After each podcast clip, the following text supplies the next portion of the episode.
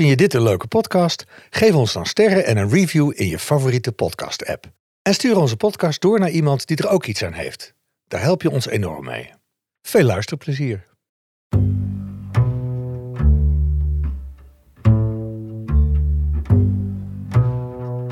Dit is de 100 vrouwen van Marcel met Pablo Cabenda, Aniek van Rinsum en Marcel Musters. In deze aflevering gaan we praten met actrice Eva van der Gucht. Die eigenlijk internationaal actrice is. Ze heeft in België en in Nederland een carrière. Wist je dat? Nou, dat wist ik niet, maar ik wist wel dat ze met jou samen in Dick Trom heeft gespeeld, ja, toch? Ja, klopt. We speelden samen, samen de ouders van Dick Trom. Waar ook nog steeds heel veel op aangesproken, trouwens. Ja, dat was een ontzettend leuke kinderfilm, eh, moet ik zeggen. En waar, ik- ik heb haar eerst gezien in Iedereen Beroemd. Ja. Dat was een Oscar-inzending. En daar zong zij in heel erg mooi. En toen was ze echt een hele jonge eh, vrouw nog. En dat was een hele bijzondere film met Tekla Reuter, herinner ik me nog. En, nou ja, voor de rest moeten we het maar gaan horen, denk ik. Ja, precies. Nou, ze heeft een hele leuke man, weet ik. Een, ook een, een Vlaming. En ze hebben geen kinderen. Eh nou, ja, ze, ze doet heel veel. Oh, oogappels natuurlijk. Dat is waar Oogappels, ja, ja, zo ja, ja. verschrikkelijk eh, populair van is. En wat ze ontzettend goed doen, moet ik zeggen. Ja. Het is ook een prachtige serie. Oké. Nou, dan gaan we het horen. We gaan het horen.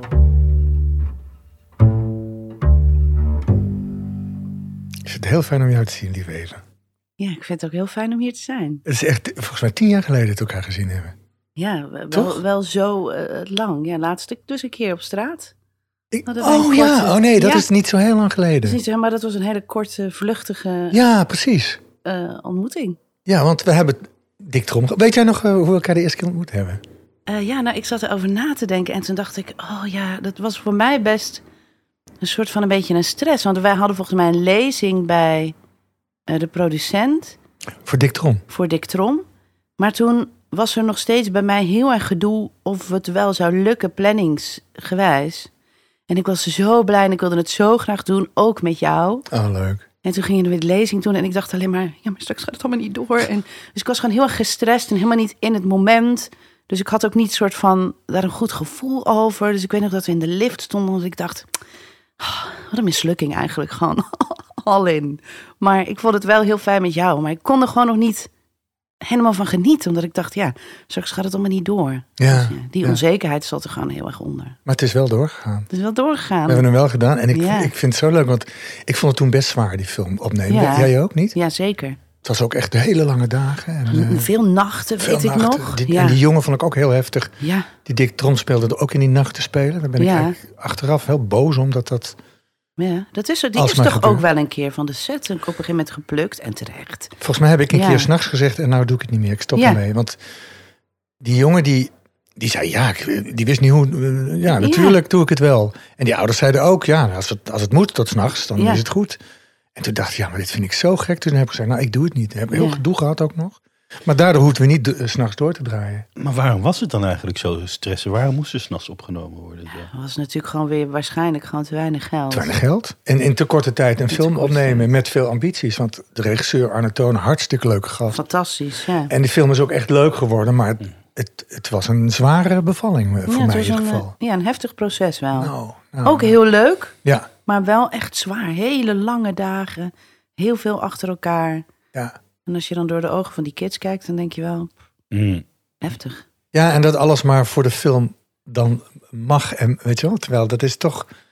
Een kind is een kind. Die moet Ja. niet tot twee uur s'nachts draaien. Nee. Dat is bizar bijna, want dan wordt hij een beetje geïndoctrineerd zoals jij pas later op, eh, Ja. als acteur op latere leeftijd is overkomen. Ja. Nou ja, ik heb ook altijd gedacht, je doet gewoon alles voor, voor de kunst, zeg maar. Of voor, voor het ding dat je ja, doet. totale overgave. Totale over. Heb jij ook Ja, heel erg, Dat toch? heb ik ook, ja, Ja. absoluut. En dat vind ik ook heel lekker.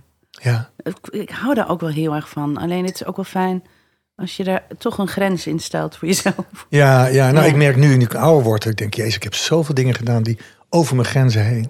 Ja, Omdat je die grens op een gegeven moment ook niet meer weet, want het hoort er allemaal bij. ja je denkt, dat doe ik gewoon. Doe ik gewoon. S'nachts om drie uur moet je draaien, moet je Ah, ergens prima. bezet zijn. Doen. Ja, doen we. En dan, spelen we s'avonds weer en dan worden we weer opgehaald en dan gaan we weer filmen. En, dan, en dat is toch ook een beetje, het is ook lekker, want het is living the life. En je denkt, oh, ben ik goed bezig. En Ja.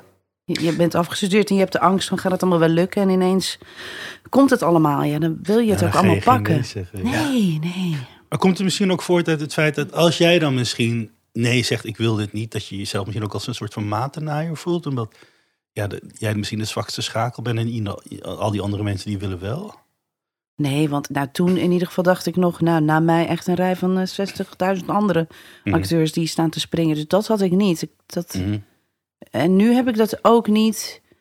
Nu heb ik wel eens bij projecten, als ze dan zeggen... ja, het moet in zoveel dagen, want er is niet zoveel geld. Dan zeg ik, ja, dan moet je dit niet maken. Ja.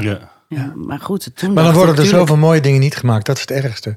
Ja, zo dat is weinig. heel ik heb jammer. een- mijn laatste film die ik gedaan heb was God Only Knows met Maaike de Jong en eh, Monique Hendricks en Elsie. Moesten we in elf dagen draaien.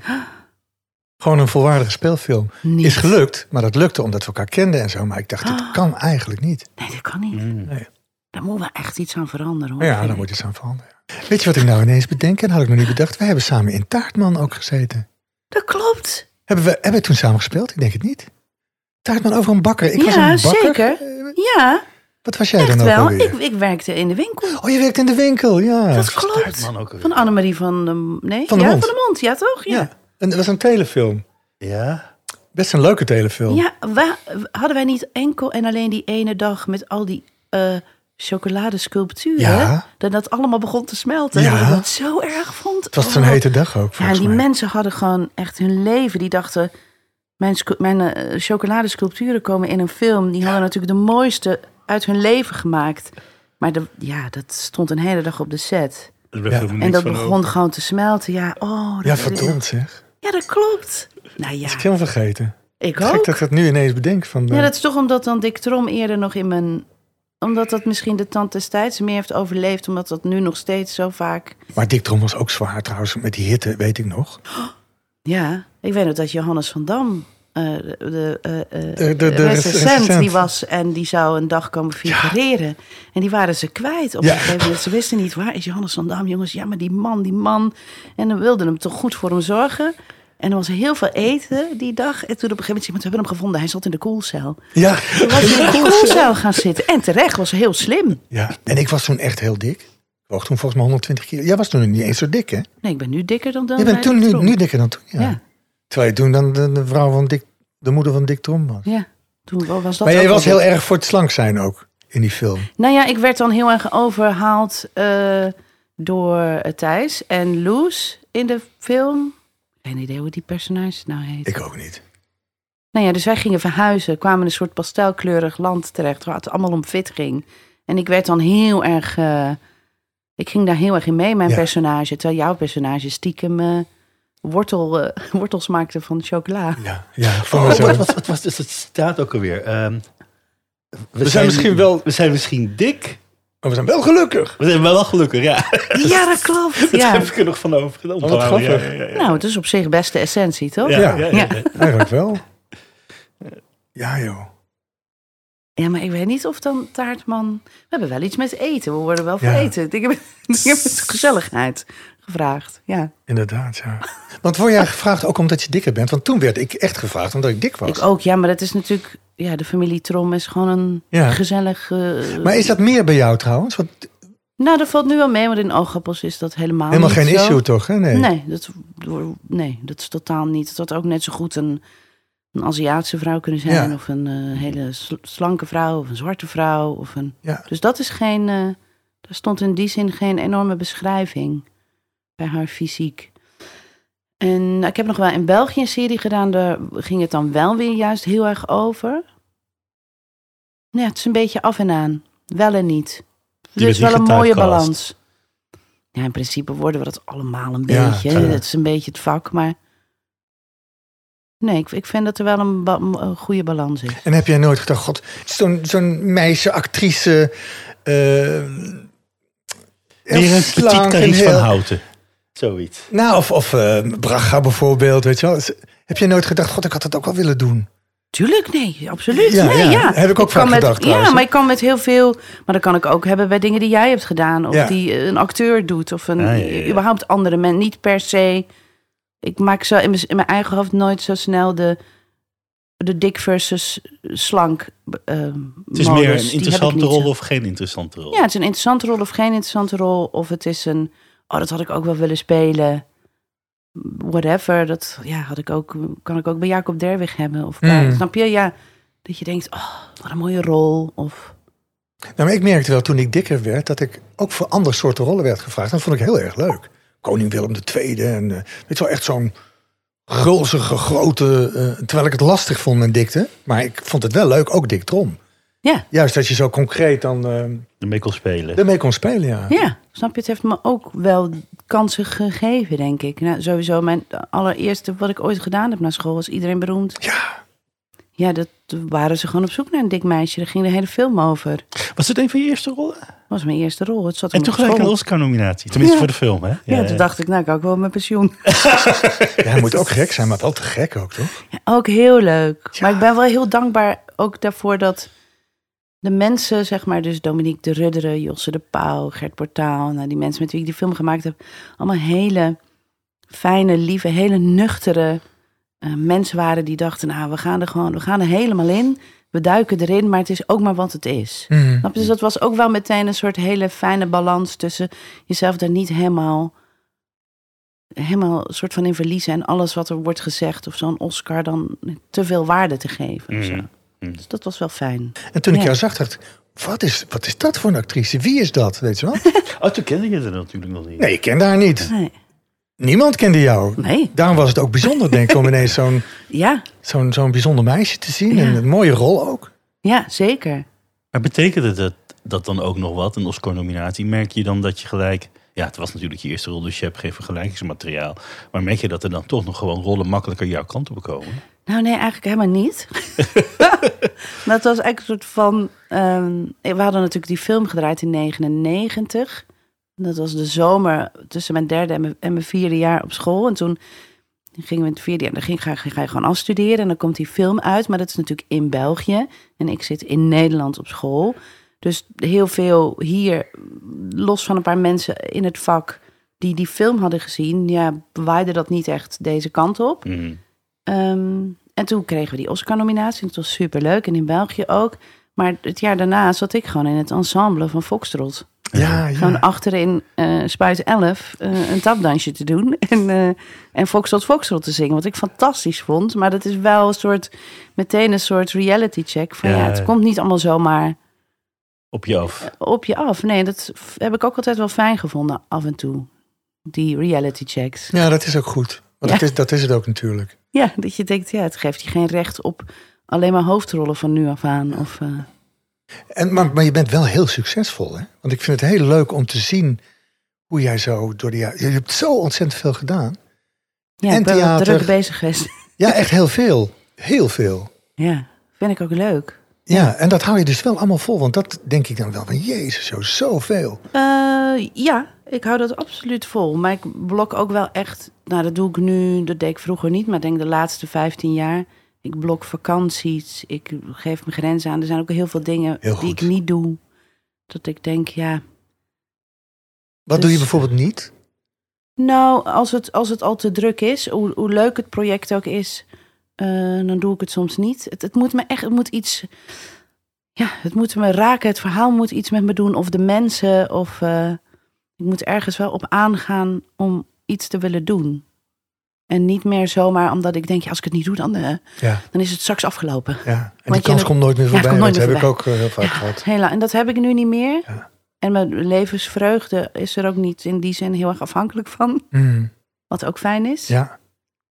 Ik, ik, Ja. ik vroeg me, je, je zegt het nou even, maar ik vroeg het me ook een beetje af. Is het nou iets heel chronisch dat acteurs en actrices hebben van... Ik, ik moet misschien deze rol aannemen, want wie weet is hier nou helemaal niks meer. Is het iets waar je op een gegeven moment vanaf komt? Of blijft het altijd een beetje in je hoofd zitten? Ja, wij hadden op school, ehm, dat heb ik ooit in mijn hoofd geplant als een soort waarheid. Terwijl dat is het absoluut niet. Dus ik wil het niet bij jonge acteurs nu in hun hoofd planten. Maar André Veldkamp, die gaf ons eh, dramaturgieles op eh, eh, de Kleinkunstacademie in Amsterdam. En die zei ooit een keer in een les, nou als je tien jaar bent afgestudeerd en je hebt nog steeds werk, dan hoef je je nooit geen zorgen meer te maken. En dat heb ik in mijn hoofd. Dus eigenlijk sinds 2010 dacht ik, nou prima, dan ga ik me gewoon geen zorgen meer Dat maken. klopt ook wel. En ergens, er zit een kern van Ja. waarheid in. Terwijl er kan natuurlijk altijd een totaal culturele crisis weer komen. Dat er geen geld meer is en dat er weer miljoenen ergens anders naartoe gaan. En dat zorgt altijd voor slachtoffers ergens. Of een corona, wat volgens mij ook wel veel artistieke eh, ja, mensen heeft doen stoppen. Of die daardoor niet de kans hebben gekregen om op een fijne manier te starten of zo.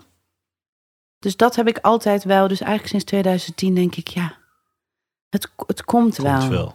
Ja, en je doet natuurlijk veel. Je doet en toneel en film. Dat is toch ehm, ja, uit twee, ehm, van twee partijen, weet je wel, dat je werk kan krijgen. Ja, en dat. En ook, ik kan ook af en toe even de grens over. En dan ga ik in België Dat ja. dingen werken. En dan kom ik weer hier. Dus dat dan, ja, je kan Dat toch een beetje van twee landen eh, werk pakken. Ja, want je bent echt een internationale actrice eigenlijk. Nou ja, wat Benelux-actrice. nou ja, maar dat is toch hartstikke goed. Want in, België ben je dus ook een bekende actrice. Ja. Grappig, hè? Hoe is dat dan? Om, om in twee landen bekend te zijn.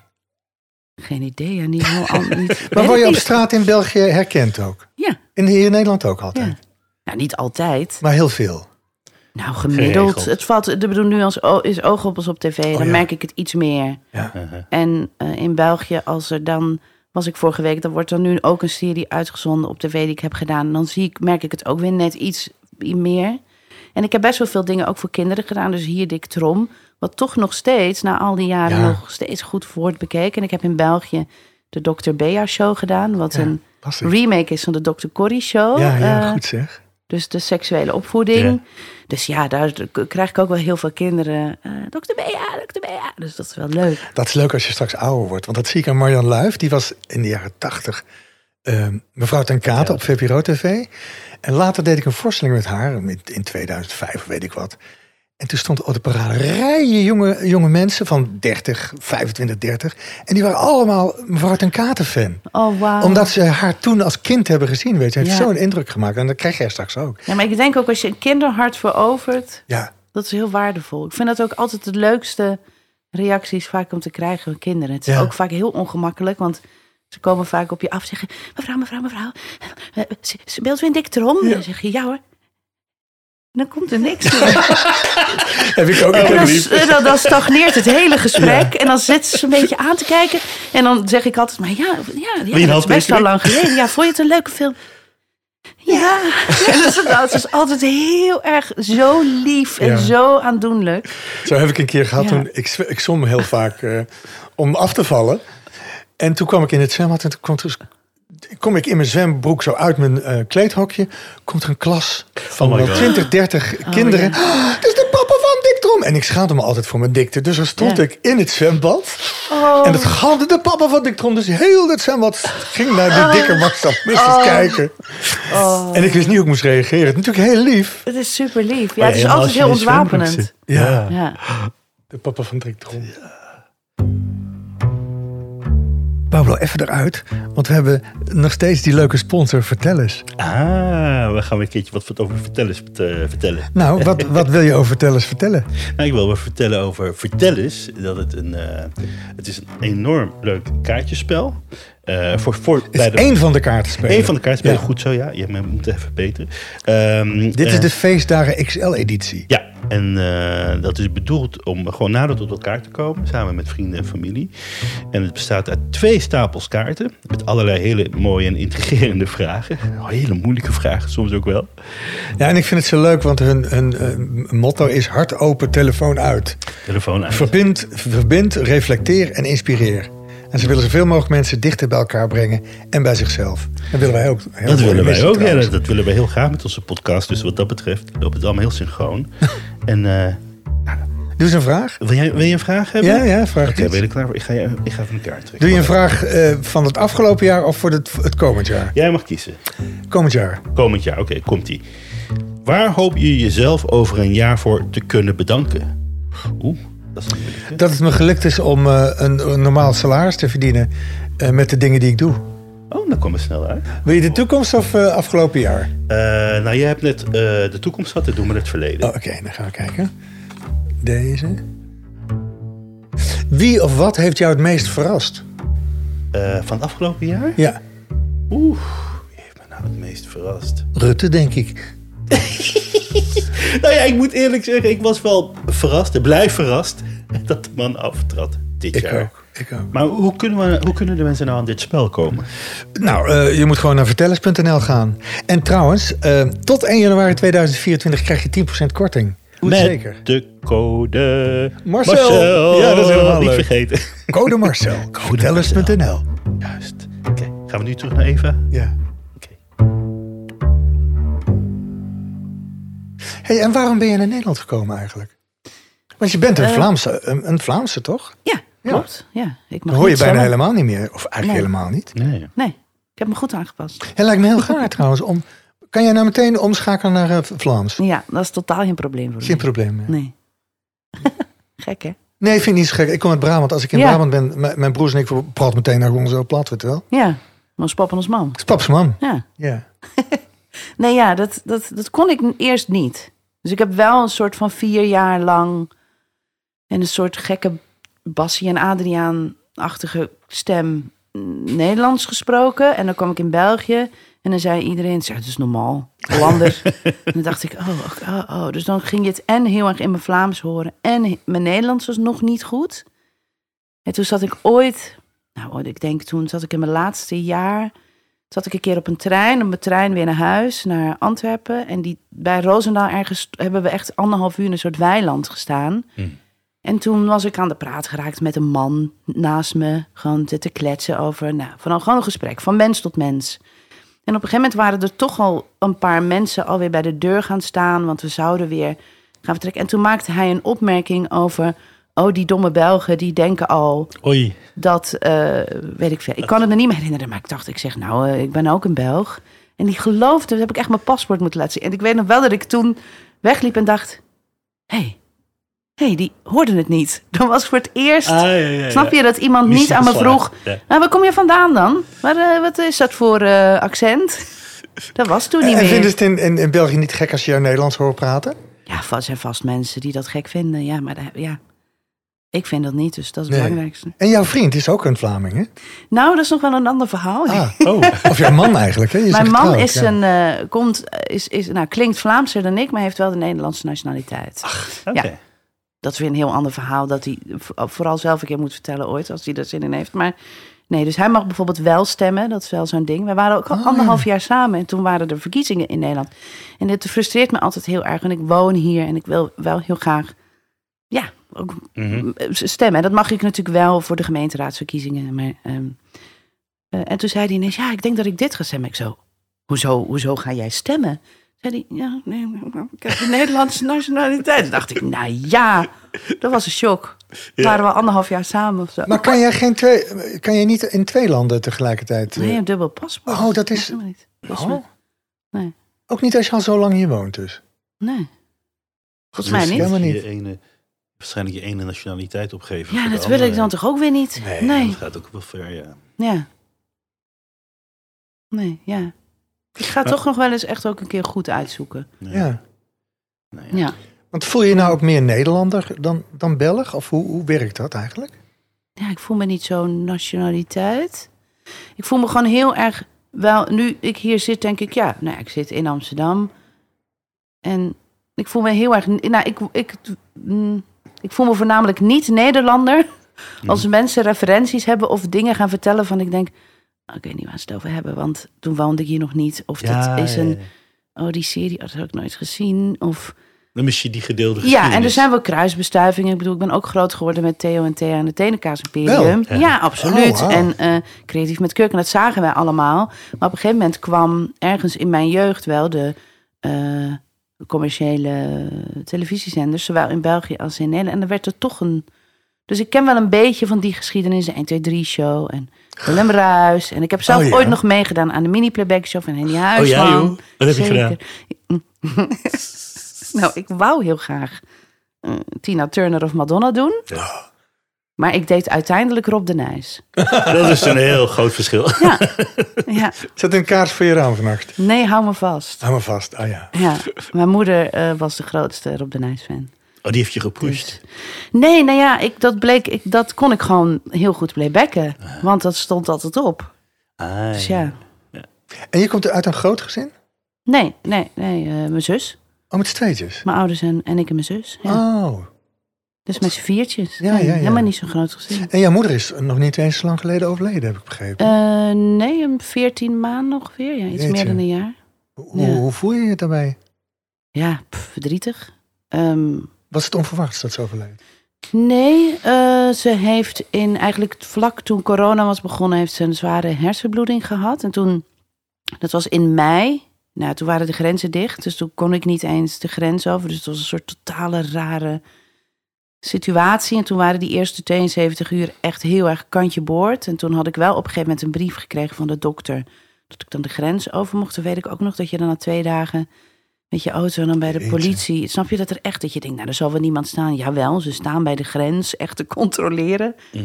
Dus het is ook een soort hele rare tijd. En toen heeft ze die, is ze die de eerste 72 uur wel doorgekomen. En Maar wij mochten natuurlijk gewoon niet bij haar. Dus dat is ook eh, voor ons allemaal best wel traumatiserend geweest. Maar voor haar natuurlijk ook. Mijn moeder was de grootste angsthaas wat betreft doktoren en ziekenhuis. Ah, Dus het idee dat zij daar die eerste weken ons gewoon niet gezien heeft, ja, dat is echt hartverscheurend. Daar kan ik nog steeds heel verdrietig en heel boos om worden. Nee, dus die, op een gegeven moment hadden ze haar dan wel naar de begane grond gebracht. En dan kon die wel aan het raam. Dus dan stond hij aan het raam een beetje te zwaaien. Ja, het is allemaal, als je er nu over terugdenkt. Nee, nou, afschuwelijk. Ehm, en toen is ze naar een revalidatiecentrum overgebracht. Daar lag ze op de tweede etage, dus toen konden we haar weer niet zien. En toen op een gegeven moment werd het, eh, kon, mochten er twee mensen bij haar ge- eh, zeg maar in, afgewisseld. Mhm. Dus niet per twee.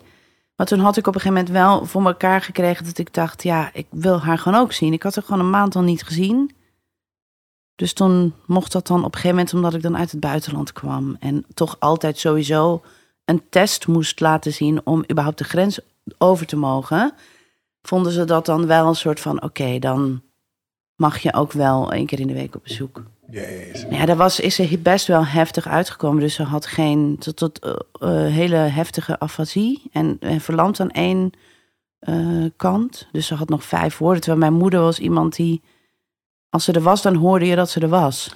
Heel erg praten en heel erg heel expressief gezicht. En dat heeft haar ook wel echt nog geholpen in die laatste fase, omdat wij zo, haar gezicht sprak altijd boekdelen. Dus nu, het was meteen duidelijk of ze iets wel of niet leuk vond. Of, eh, Maar ze konden ze ook niet praten of niet uit de juiste woorden komen dan. Nee, dus het, eh, ze ging dan hele zinnen maken met, met 1, 2, 3, 4, 5. Ja. En dan heel erg gefrustreerd. Dus ik zei, mam, ik snap niet wat je bedoelt. Vier, vier, vier. En dan was het heel frustrerend, zeker in het begin. En toen was ook echt wel een fase dat ze af en toe duidelijk liet merken dat ze van, nou, dit hoeft dan voor mij eh, niet meer. Maar toen is ze daar toch wel weer doorheen gekomen en weer naar huis. En hebben, eh, heeft ze nog ehm, Heeft ze ook eh, hulp gehad? Had ze hulp nodig? Want ik kan me voorstellen dat het misschien helemaal niet in een eentje kon rooien. Van, van je vader of van... van Ja, ze had hulp van me. Dus mijn ouders eh, waren nog altijd samen. Ja. Dus mijn vader is in gigantische mantelzorger geweest, eigenlijk twee jaar lang voor haar. Heeft ze wel nog zeker wel drie, vier maanden in dat revalidatiecentrum gezeten. Dan naar huis en met veel hulp. En ja, allemaal apparaten. Die huiskamer stond vol. Dat was gewoon een ziekenhuis geworden met een soort, ja, ik weet nou niet meer hoe het heet. Zoiets waar ze dan in werd gehezen en dan kon ze draaien, een soort turn. Mm. Om dan ja, ja, ja, zo'n, zo'n- ja, ik weet niet, een Ja. schommel of zo. Hè? Ja, ja, ze had een soort lift, maar ook zo'n, dat had een soort naam. Daar hebben ze dan heel lang op geoefend. En als ze dat kon, mocht ze naar huis. En, en toen heeft ze nog best wel twee jaar heel erg met ups en downs. En ze hadden ook al wel gezegd van ja, de, de kans dat dit nog een keer gebeurt is nu met 80% Jeetje. groter. Dus toen heeft ze nog een paar kleine eh, infarcten daar overheen gekregen, epileptische aanvallen. Hmm. En vorig jaar zomer weer één. En toen was het klaar. Toen eh, heeft ze heel duidelijk laten merken, nou, dit is dan mijn grens. Ah ja. Dus toen eh, is ze letterlijk gevlogen. Ging heel snel. Oh ja? Toen het lichaam was echt op. Nee, toen eh, kwamen ze wel, dan geven ze een soort, ja, dat is niet euthanasie, maar palliatieve, sedatie. Ja, sedatie, ja. En toen had de dokter nog gezegd, van, nou, dat kan soms echt wel een paar dagen duren.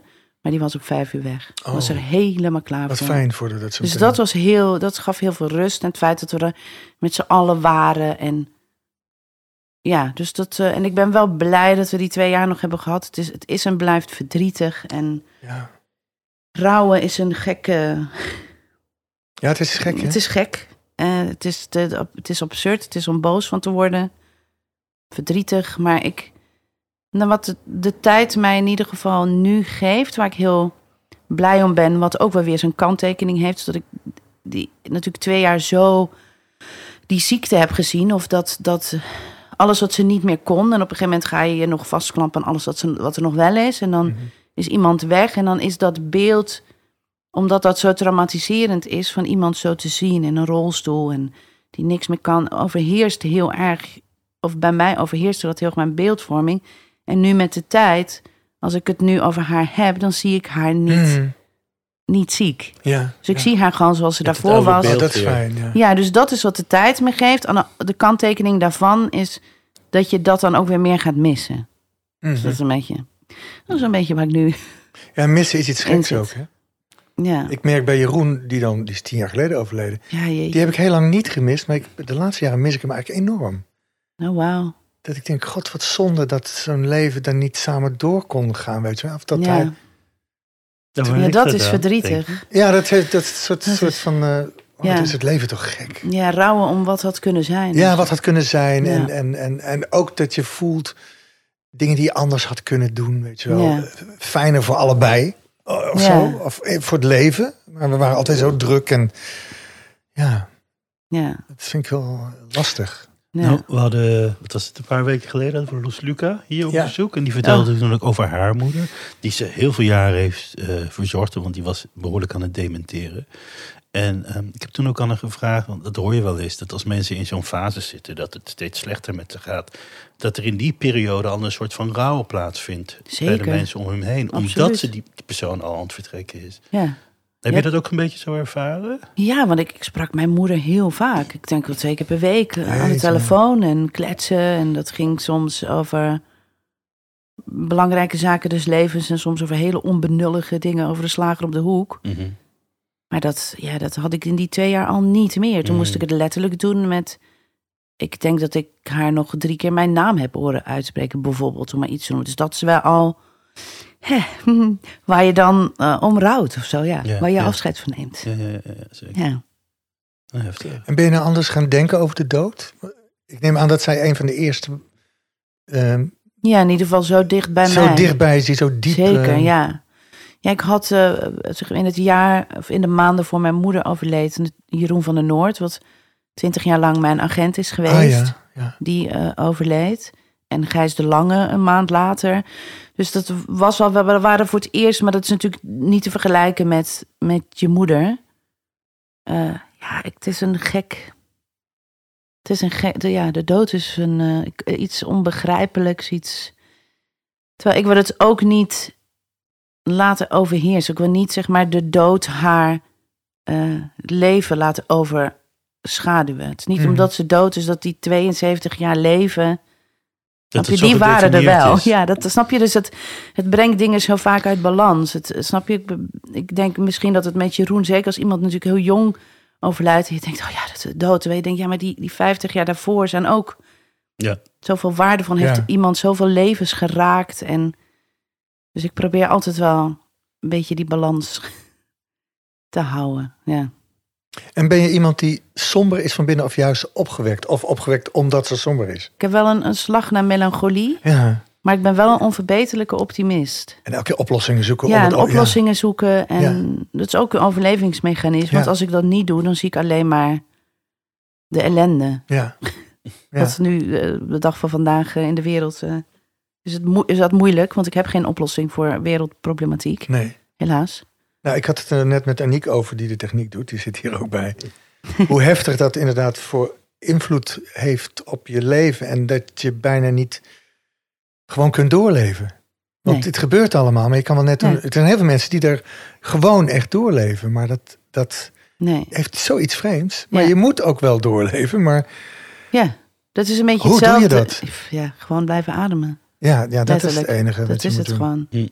Maar, Maar in het dat hoofd, heftig. wat er in je hoofd gebeurt, tenminste bij mij ook. Er gebeuren zoveel dingen in je Ja, hoofd. nou, ik merk gewoon dat ik bijvoorbeeld nu... Ik kijk een week geen nieuws. Oh, Mhm. Ik kan, dat niet, niet. ik kan dat niet aan. nee, ik ook niet. Ik lees af en toe een, Ik dan ook. denk En dan oh ja. hoor ik en dan, of dan luister ik een eh, podcast een beetje wat er over gaat. Of dan sociale media vind ik ook heftig. Ja. Ja, dat Ehm, is vooral, eh, dan krijg je zoveel natuurlijk ook fake nieuws binnen. En, eh, Maar ook, ja, het kiezen van kanten. En denk, Ja, dat kies zijn voor kant, allemaal- dat is helemaal niet. Oh, het is allemaal zo'n gecreëerde, ja. gecreëerde wereld. Dan ik wil toch altijd gewoon de mensen zien. De Mhm. mensen blijven zien. Ja. Ja. En dat is, maar dat, ja, dat is hartverscheurend. Ja, en kanten kiezen, daar ben ik echt wel over uit. Dat heeft helemaal geen enkele zin. Dan maak je de haat alleen maar groter. Want dan Ja. krijg je steeds grotere partijen Ja. die tegen elkaar ingaan. Ja, want kanten staan Je moet kiezen voor de letterlijk mensheid. tegenover elkaar. Ja, je moet kiezen voor de mens. En voor de liefde die er... Die ja, ja. alsjeblieft. En het verhaal erachter. Want we hebben natuurlijk allemaal, of tenminste die mensen, we hebben allemaal redenen om oorlog aan te gaan in ons hoofd. Mm. Maar, dat, Ja. maar laten we daar overheen gaan, weet je. Want dat, Ja. dat wordt alleen maar nog meer verdorven. Of hoe zeg je dat? Ja. Eh, ellende. En, ehm, Ja, en je denkt steeds, of ik denk dan gewoon naarmate ik ouder word, je wordt natuurlijk zelf milder. Of eh, snap je, ik kon als twintiger ook nog wel eh, harde meningen hebben over Mm. dingen en over mensen en over situaties. En heb je dat niet. En ergens hoop je dat de mensheid met je meegroeit of zo. Snap je? Of dat Ja. die, die reis die jij maakt, dat de wereld die ook maakt. Ja, en maar dan, er komen misschien weer jonge mensen bij die net iets radicaler denken. En die ouder Ja. worden misschien wat wijzer en zo. En zo schuift dat ja, steeds op. maar er zijn ook best wel mensen die dan ouder zijn dan wij. Eh, Die heel extreem zijn. ja, dat je denkt, pff, Ja. ik wil zo graag geloven in het, mhm, het goede van de mens. Ja. Ja. Maar het wordt, is lastig. Ja. En Ja. toch bestaat het. Want ik, eh, de, als je in je eigen wereldje kijkt, tenminste in mijn eigen wereld, vind ik dat er zoveel goede mensen zijn die, die echt het goede voor hebben met de wereld en met, met het wereldje waarin ze leven. Ja, nee, dat, en dat merk ik ook. En daar focus ik ook heel erg op. Maar ik, ik ja. Nee, ik denk dat een heleboel mensen, niet allemaal, maar een heleboel mensen natuurlijk gewoon het slechter doen. Of geneigd zijn naar het slechter door de omstandigheden waarin ze verkeren. Dus eh, ja, ja, of dat ze misschien ervan overtuigd zijn dat het niet slecht is. dat kan ook, ja. Je, zal- je zal geen slechterik op de wereld treffen die van zichzelf zal zeggen, ik ben een slecht mens. Dat zal Mm. nooit Maar gebeuren. het maakt het zo ingewikkeld. ja. Hoe los je dit ooit op? ja, ik weet het niet. Nou, echt niet? Ja, stiekem wel, maar ik vertel het nog niet. Oh, ja, nou ja, het is om... eh, en alles krijgt over een beetje een randje. Mhm. Ik had een hele leuke week. Een vriend werd 50, een andere vriend had première. We wonnen met Ja, de oogappels, televisiering, de ja. televisiering. Dat je echt denkt, nou... En alles krijgt toch een soort van een beetje... dat je denkt, mag ik hier nou wel zo van genieten? Mhm. Ja. Nou ja. Waarom wil je acteren? Ehm, om verhalen te vertellen, denk ik. Om... Ja, om iets te laten zien wa- wa- wat ik denk ik goed kan. Ja. Soms voel ik me een beetje... Ik kan helemaal niet goed tekenen. Maar ik voel me soms zo'n kindje op een, eh, op een familiefeest dat een tekening heeft gemaakt. En die dan met de tekening komt. En dat dan de hele tafel van alles vindt van die tekening. En dan soms ineens gaat het... Ja, maar hoe gaat het met jou op school? En waarom heb je die tekening gemaakt? Maar ik neem het gaat om die tekening Ja, ja. dat is, zeg maar, dat is mijn talent. Dat ik iets kan vertalen en daar een groot publiek mee kan bereiken. En dat is wat ik graag doe. Maar het gaat in die zin niet om mij of zo. Nou ja, snap je wat ik bedoel? Nee, niet helemaal. Want ik vind het wel interessant. Want het gaat heel natuurlijk... gek uit. Jij doet het, dus jij... Het gaat wel om jou ook. Ja, maar Ja. gaat het dan misschien Ja, gaat het- meer om jou als, als, als het kanaal? Of, Ja. of dat- waar de- Ja. ja, ja. ja. En je bent dus eigenlijk gewoon niet meer dan een stuk gereedschap. Als ik zo Ja, vrij nee, mag ja, zijn. ik ben gewoon gaan, omdat ik het kan, denk ik. En omdat Maar waar, ik het, waar komt de behoefte vandaan? Om, om, ik denk het- dat je gewoon op een gegeven moment voelt dat het iets is wat effect heeft op mensen, waar je mensen mee kan bereiken. Snap je als kind tussen de schuifdeuren of ja, je ontdekt dat speels... je ontdekt speels dat je daar een talent voor hebt. Of dat je iets kan vertalen naar een groter publiek. Of dat je mensen kan beroeren. Dat je verhalen kan vertellen. Dat mensen daarnaar luisteren. En dat dat toch anders is dan je neefjes en je nichtjes die dat ook doen. Maar Mhm. dat je voelt, hé, hey, oh, ik, ik kan hier iets mee. Ik kan dat sturen of ik kan dat... dat ja. En hoe ontdekte jij dat dan? Je ja, ik weet niet of ook. dat heel bewust ging. Maar dat, dat wordt dan gevoed. Want je krijgt iets terug. Ja. Dus een wisselwerking. Ja. Dus je doet iets en oh, dat doe je leuk. Nou, eh, volgend jaar als we het kerststukje doen, dan eh, moet Eva het maar eh, regelen met iedereen. Snap je zo? En dan denk je, oh, dat dus je groeit er soort van in. En dan op een gegeven moment ontdek je, oh, er is ook nog een opleiding. Oh, oh, er is ook nog een baan. snap je? Wat je dan, snap je? Oh, kan ook nog meer geld mee verdienen. Oh, dat zijn dan, dat volgt er dan allemaal op. Maar je komt niet uit een artistieke familie. Familie die, waar ook acteurs zijn bijvoorbeeld. Nee. Helemaal niet. Nee. Wat voor familie kom je eigenlijk vandaan? Ehm, nou, mijn ouders, mijn vader is een jarenlang eh, ja, verkoper geweest van ehm, systeemplafonds. Goed. En die weet heel veel over akoestiek, bijvoorbeeld. Dus die, eh, ja, die heeft best wel op een groot niveau, eh, op een hoog niveau dat gedaan. Je denkt, oh, systeemplafonds. Maar ja, alle Mhm. kantoor, kantoren ter wereld. Heeft in China, heeft overal, heeft de hele wereld gezien. Ja, ja, ja, En dan tuurlijk. kwam hij altijd weer terug en dan had hij weer iets mee uit China of uit Australië of uit Amerika. En mijn moeder is nog nou, een paar jaar. Dus mijn zus is vijf jaar ouder dan ik. Dus mijn zus was geboren en toen is ze nog een paar jaar als secretaresse gaan werken. En toen kwam ik als een soort totale ongeplande surprise. kwam er nog een, een baby bij. En toen is ze gewoon huisvrouw geweest zijn hele leven. En mijn ouders ehm, zijn naar mijn grootouders van mijn moederskant, dus de ouders van mijn moeder, waren heel erg tegen dat mijn moeder met mijn vader zou trouwen. Dus die zijn O echt uit liefde getrouwd zonder dat. En zij is dan bij zijn ouders gaan wonen. Dus ze hebben echt wel. Ja, er zit wel een soort mooie film Mhm. eh, ook achter. Ja, ja. Ehm, dus zij hebben echt heel erg voor elkaar gekozen. En verder waren wij een heel ehm, ja, leuk, warm, liefdevol, heel erg eilandje op ons. Omdat we natuurlijk, zij eh, vanuit, zeg maar, mijn vader nooit... En dat heb ik echt pas allemaal gehoord toen ik zelf volwassen was. Ik heb dat als kind, dus op een gegeven moment zijn die ouders... is dat soort van weer, wel weer verzoend. Dus ik heb dat allemaal nooit geweten tot Mhm. jaren later. Dat vond ik ook allemaal zo, ik zo goed van hun... dat ze dat niet op mij hebben ja. Ja. van ja, het zijn wel je grootouders, maar ze wilden eigenlijk niet dat wij. Dat hoorde ik pas toen ze al lang overleden waren ook. Dus ehm, ja, we waren heel erg echt met z'n viertjes. Dat was echt heel leuk. Heel fijn, heel speels, heel. Mijn moeder ging dan mij en mijn zus altijd mee naar concerten van Rob de Nijs. Dus ik, nou, ik kan nog steeds die mans repertoire. Ja, ik vond het soort van mooi symbolisch dat zijn afscheidsconcert dan ook een Mhm. een eh, televisiester won voor Ja. Impact, dacht ik soort van, ach, die moeder van mij die zit daar boven het even weer allemaal lekker. eh, Ja. Was je er ook bij live of heb je het op tv gezien? ik heb het op tv gezien, ja. Dat is aangrijpend, hè? Heel erg. Ja, het is ook, het, ik ben daar gewoon, ik ben met die man groot geworden, letterlijk met zijn teksten en zijn muziek. Ja, dus dat, dat deden wij altijd. We hadden, we hebben nooit, ehm, ik heb nooit het gevoel gehad dat we, dat we struggles hadden. Dus er was altijd eten, er was altijd van alles. Maar we gingen niet op vakantie, zeg maar. We Mhm. gingen, dus ik ben eens één keer een week, zijn we naar Duitsland geweest of zo. Snap je? Ja. ook wel omdat mijn moeder was geen reiziger. En mijn vader was natuurlijk, voor zijn werk zag hij de hele wereld. Dus je had er ook geen zin in. Ja, die had denk ik geen... En mijn moeder dacht, is goed joh, eh, blijf lekker thuis. Hm. Ja. Heb je nog steeds zo'n eh, goede band met je zus en je vader? Leeft hij nog? ja, ja, mijn vader leeft nog. Ja, die Ah. doet het goed. Aha. Ja, ik ben heel trots op hem. Ja, Ja, want dat is nogal een overgang, zeg. Als die, voor hem ook. ja heel heftig. Ja. Ja, heel heftig. En je vader is nu ook lang- eh, rond de 70. Eh, mijn vader is eh 76. Ja. En die woont nog in hetzelfde... eh, eh, Nee, dus ze zijn wel op een gegeven moment uit mijn ouderlijk huis verhuisd. Ik denk een jaar of acht à tien geleden. Want dat was eh, nou ja, een huis met drie etages en trappen. En mijn vader had op een gegeven moment ook wel iets aan zijn hart. Dus dat was best wel heftig. Toen zijn, ze naar een, appartementsgebouw verhuisd. Eh, mijn vader was toen net met pensioen. En die is toen meteen hop daar in het bestuur van dat appartementsgebouw gekomen. Dus elke keer als ik daar kom, dan hangt er in de lift een of ander briefje van... maandag wordt het water afgesloten. Groetjes, Walter.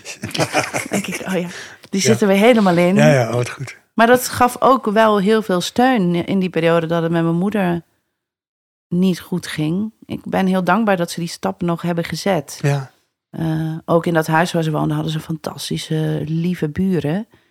Maar hier was ja, het is gewoon een iets grotere community voor hun om eh, af en toe een beetje op te leunen. En dat merk ik nu, ja, dat heeft mijn vader nu nog steeds. Dat is heel fijn. Mm. En hij doet het goed. Hij kan heel goed voor zichzelf zorgen. Mm. Goeie zelfstandige man. En, Ja. en, en- en je man, die, eh, die heb je ontmoet eh, hoe lang geleden? Vijftien jaar geleden. Ja, in het Rozentheater. Oh, trouwens, hier in Amsterdam gewoon? ja, wat nu Boom Chicago is. Ja, ja. Ja. wat toen het Roostheater speelde ik een Oh. voorstelling van Lisbeth Koolthof. En eh, hij was daar, want hij had toen zijn eigen theatergezelschap, Vrienden van de Dansmuziek. En hij, eh, hij was, kwam echt drie keer naar die voorstelling kijken. En ik dacht, nou wat leuk. En toen moest echt een collega van mij zeggen, die, dat doet hij niet voor zo'n lol. Ik bedoel, het is best een goede voorstelling, maar het is ook weer niet zo goed.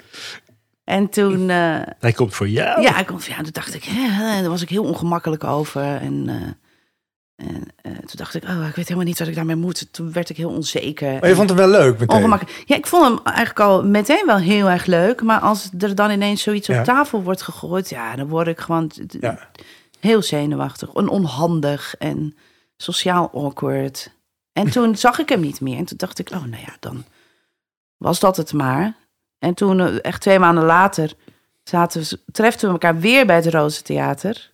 Eh, zaten we allebei bij een andere voorstelling. En toen had ik net via iemand die zei: Oh, je moet met mijn neef op date.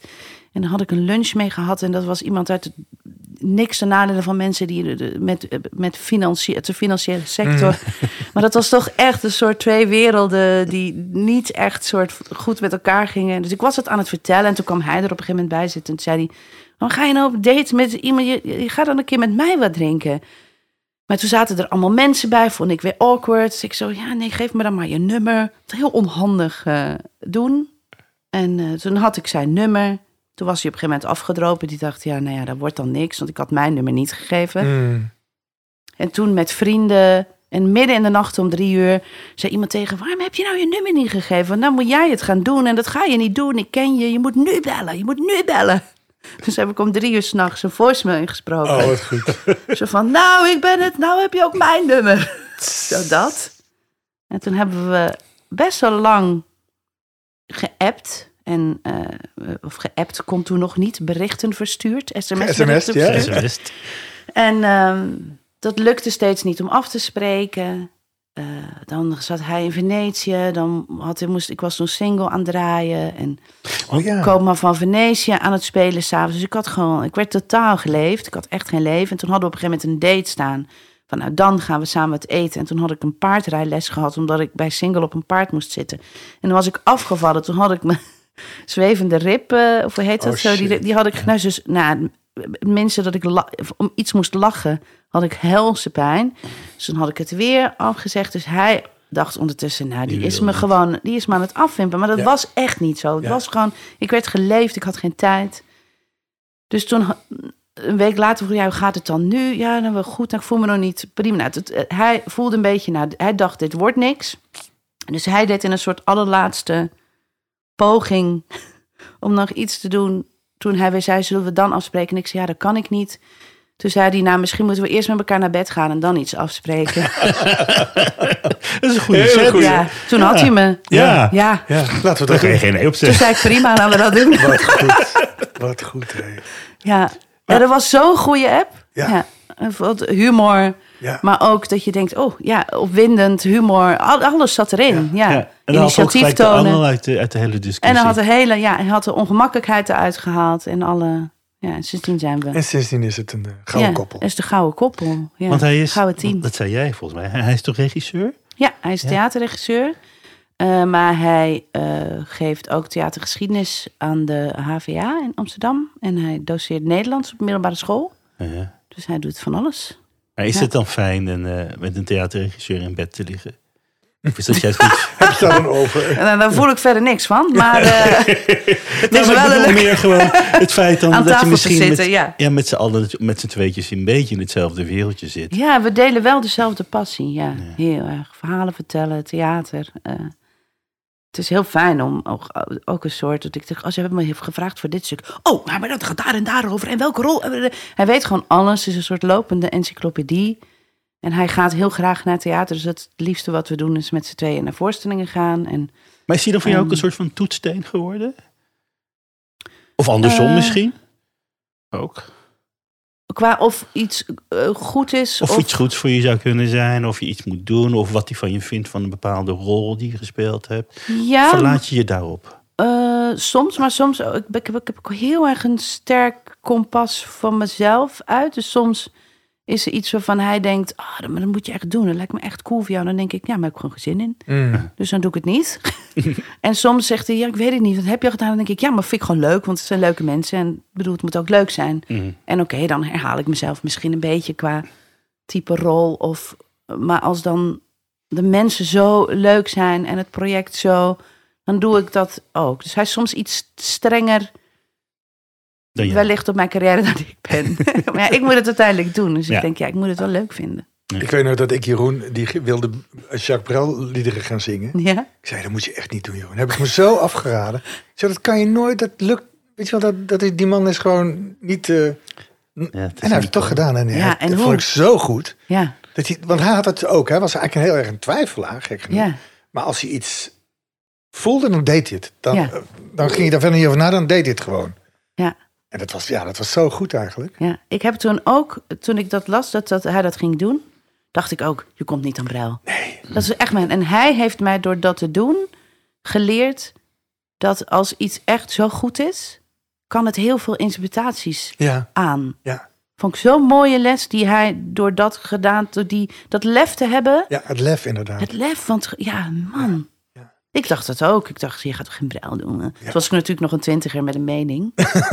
Zei ik ook tegen iedereen, jezus, maar ik ben ook Belg. Dat kan echt niet. Toen zat ik in de zaal en dacht ik, oh, Het kan wel. het kan. En kijk eens hoe. Ja, ja was goed hè. Ja, Maar betekent dat dan eh, dat als je dan heel erg st- een sterk gevoel hebt bij iets, in dit geval dan Jeroen met Brel, dat je niet moet gaan miezenmuizen over van kan ik het wel? Doe ik het dan wel goed genoeg? Maar je moet gewoon inderdaad gewoon die passie volgen. ja, je passie en je gevoel. Hm.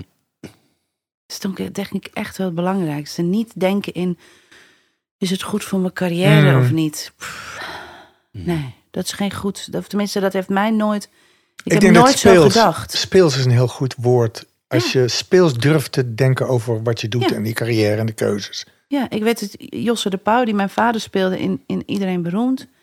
Jij hebt wel Die, meteen eh, hele goede mensen om je heen gehad altijd. Ja, en met echt eh, ook quotes waar ik nu mijn leven op Ja, ja. Hij zei tegen, ik zei van nou, wat, eh, wat moet ik nou gaan doen? En toen zaten we ook in Hollywood en straks sta ik in het ensemble van, Foxtrot. eh, van Foxtrot. En dan zei hij, nou, dat is in ieder geval iets anders dan wat je nu doet. En toen zei hij, je moet zorgen dat ze je nooit in een hokje kunnen stoppen. Snap je er nooit het hokje van die of zoon of zoon of zus act- actrice? Gewoon lekker altijd Ja. heel honderdduizend verschillende dingen doen. En dat heb ik altijd onthouden. En dat doe je ook, ja. en dat dat is doe echt ik ook. goed. Ja. Ja. Ik hop gewoon van land naar land en van eh, theater naar film, ja. En dat is ook een geluk dat dat kan, hoor. Dat is ook een Nou ja, dat is je talent.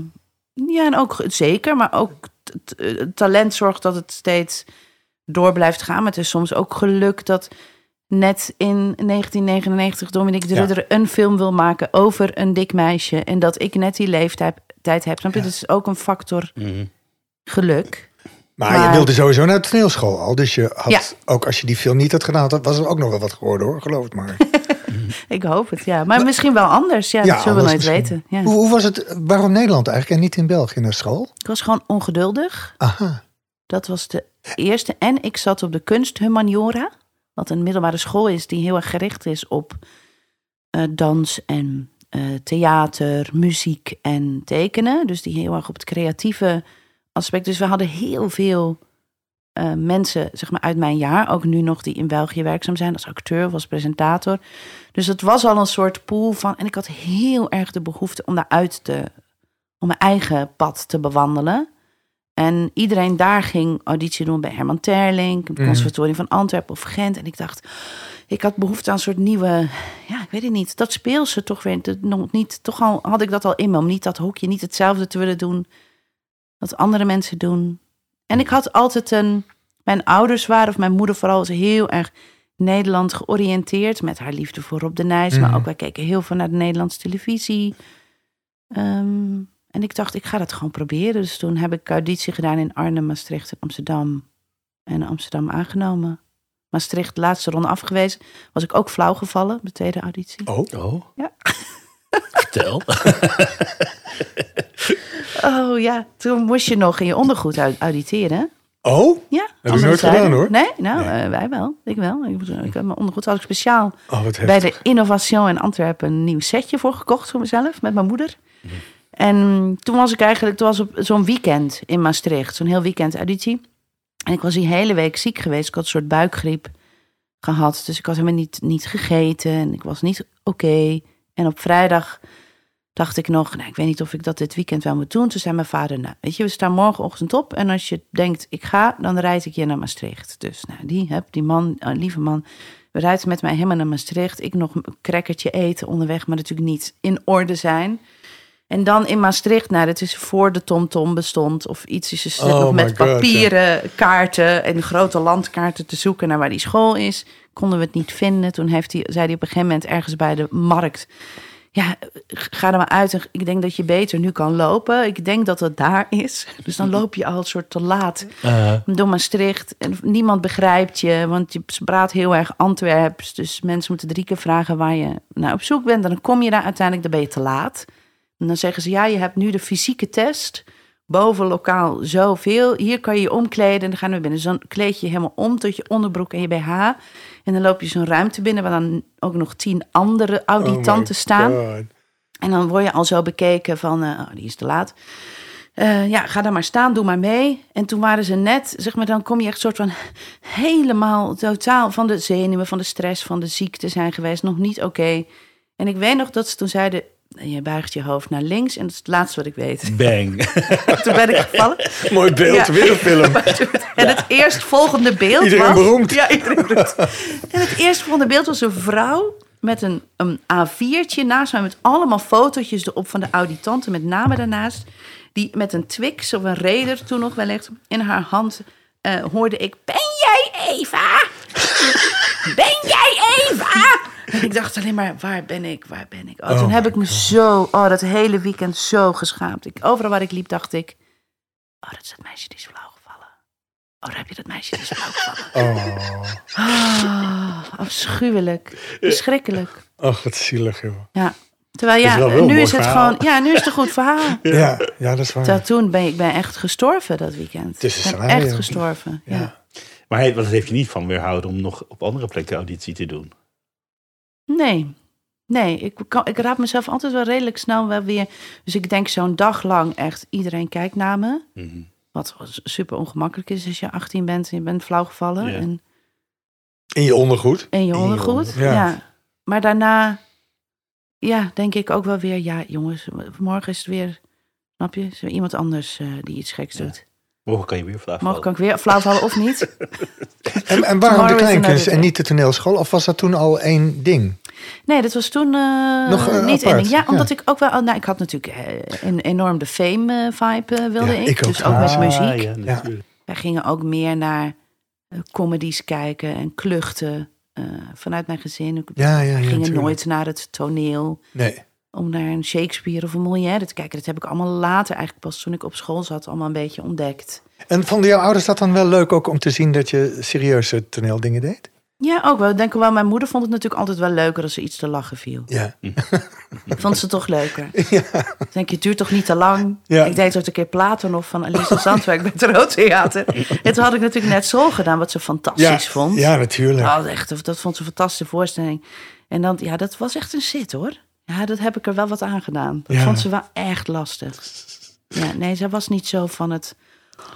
Nee, zij denkt, ja, dit uur, als- als ik me dan helemaal verplaats, entertain me dan gewoon. Haal me dan even uit mijn leven en Uh-huh. dat ik lekker kan lachen. Dus, ja, er Zit ook weer iets in. Er zit enorm Absoluut. veel in, ja, Ja. absoluut. Hey, en jouw klas was een hele leuke klas op de kleinkunst, hè? Ja, heel leuk. Volgens mij Hele Carice en Alex klas. zat erin, hè? Alex Eh, nee, Alex zat Oh, twee jaar boven mij. Ah. Mijn klas was zeg maar de, eh, de Ashton Brothers. Dus Ah, ja. Pim Muda en eh, Joost Spijkers, Friso van Vemde. Carice van Mhm. Houten. Nou, behoeft geen achternaam. Tina de Bruin. Oh ja, Tina ook natuurlijk. Annemarie Jong Ah, en ja. ik. Ja, wat leuk. Het is een hele leuke eh, klas. Heel, ja, heel verschillend allemaal. En daardoor... eh, Ik, betek, ik bedenk Ja. me nu opeens, hè, je noemt nou een paar namen van acteurs en actrices.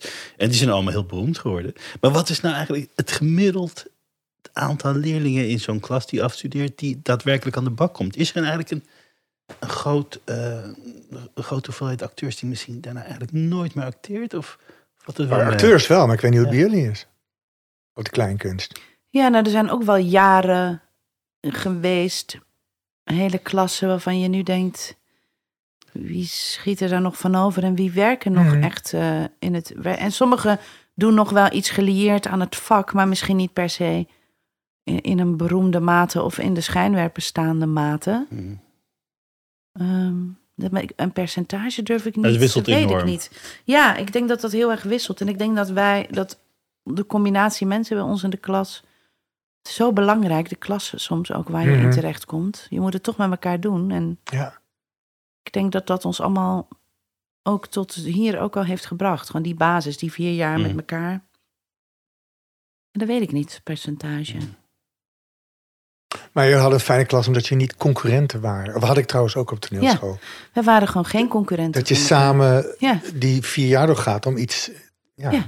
En, en zelfs nog tot op de dag van vandaag, we worden wel eens, we belanden wel eens in hetzelfde eh, auditiebakje, maar zelden. Echt Mhm. heel zelden. Heel zelden. En we hebben ook allemaal wel daardoor heel erg onze eigen kracht kunnen ontwikkelen op onze eigen, op onze eigen vierkante meter. En Ja.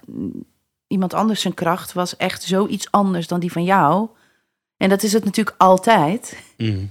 Maar wij waren gewoon daardoor niet zo goed te vergelijken. En in principe heeft iedereen zijn eigen kracht en iedereen is uniek. Alleen als je net iets meer fysiek op elkaar Mhm. lijkt, of Ja. hetzelfde gevoel voor humor heeft, of hetzelfde soort stem, of, dan word je al sneller met elkaar vergeleken soms in zo'n klas. Terwijl ik denk, ja, doe dat nou niet. Ieder mens is een mens op zich. En, Mm.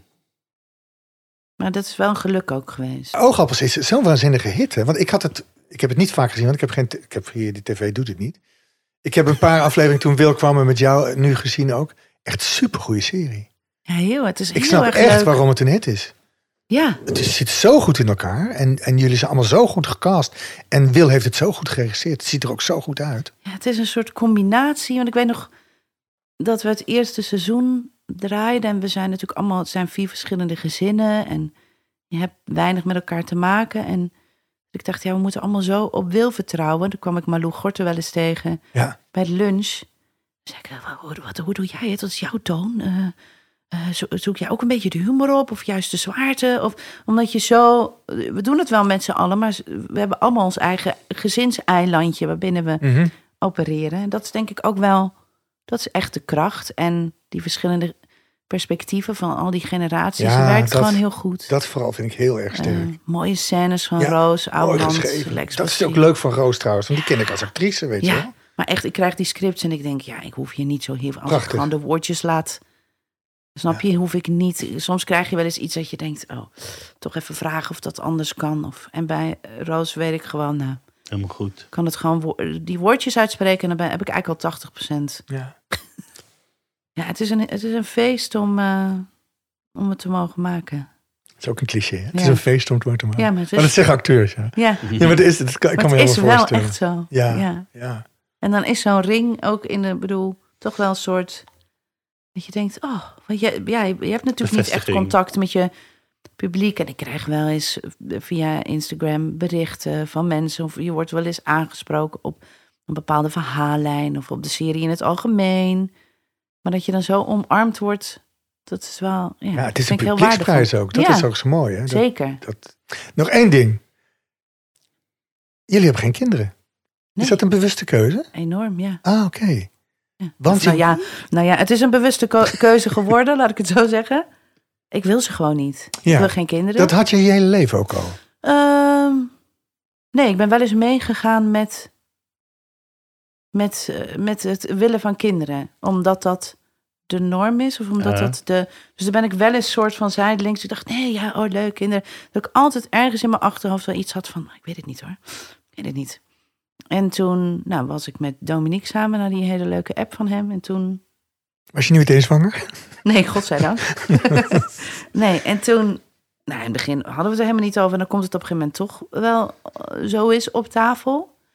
En ik ben wel een nieuwsgierig mens. En ik, snap je, dus echt wel, ik heb echt wel voorgesteld hoe dat zou zijn. Hoe een kind van ons twee zou zijn. Hoe dat er dan zou uitzien. Mhm. En wie dat dan zou zijn en wat hij dan zou doen. En ik heb ook wel, ook al hebben wij ervoor... Dus, nou, het was zo, toen waren we op een gegeven moment een paar jaar samen. Toen zijn we getrouwd. Nou, dan krijg je de vraag al van iedereen. Of tenminste, laten we zeggen, ik krijg de vraag en hij niet. Eh, oh, wanneer begin je aan kinderen? En toen dacht ik steeds, jezus jongens, eh pff, zijn getrouwd. Ja, dat wil nog niet meteen zeggen dat we dan ook eh, kinderen hebben. Of gaan nemen. En toen dacht ik op een gegeven moment...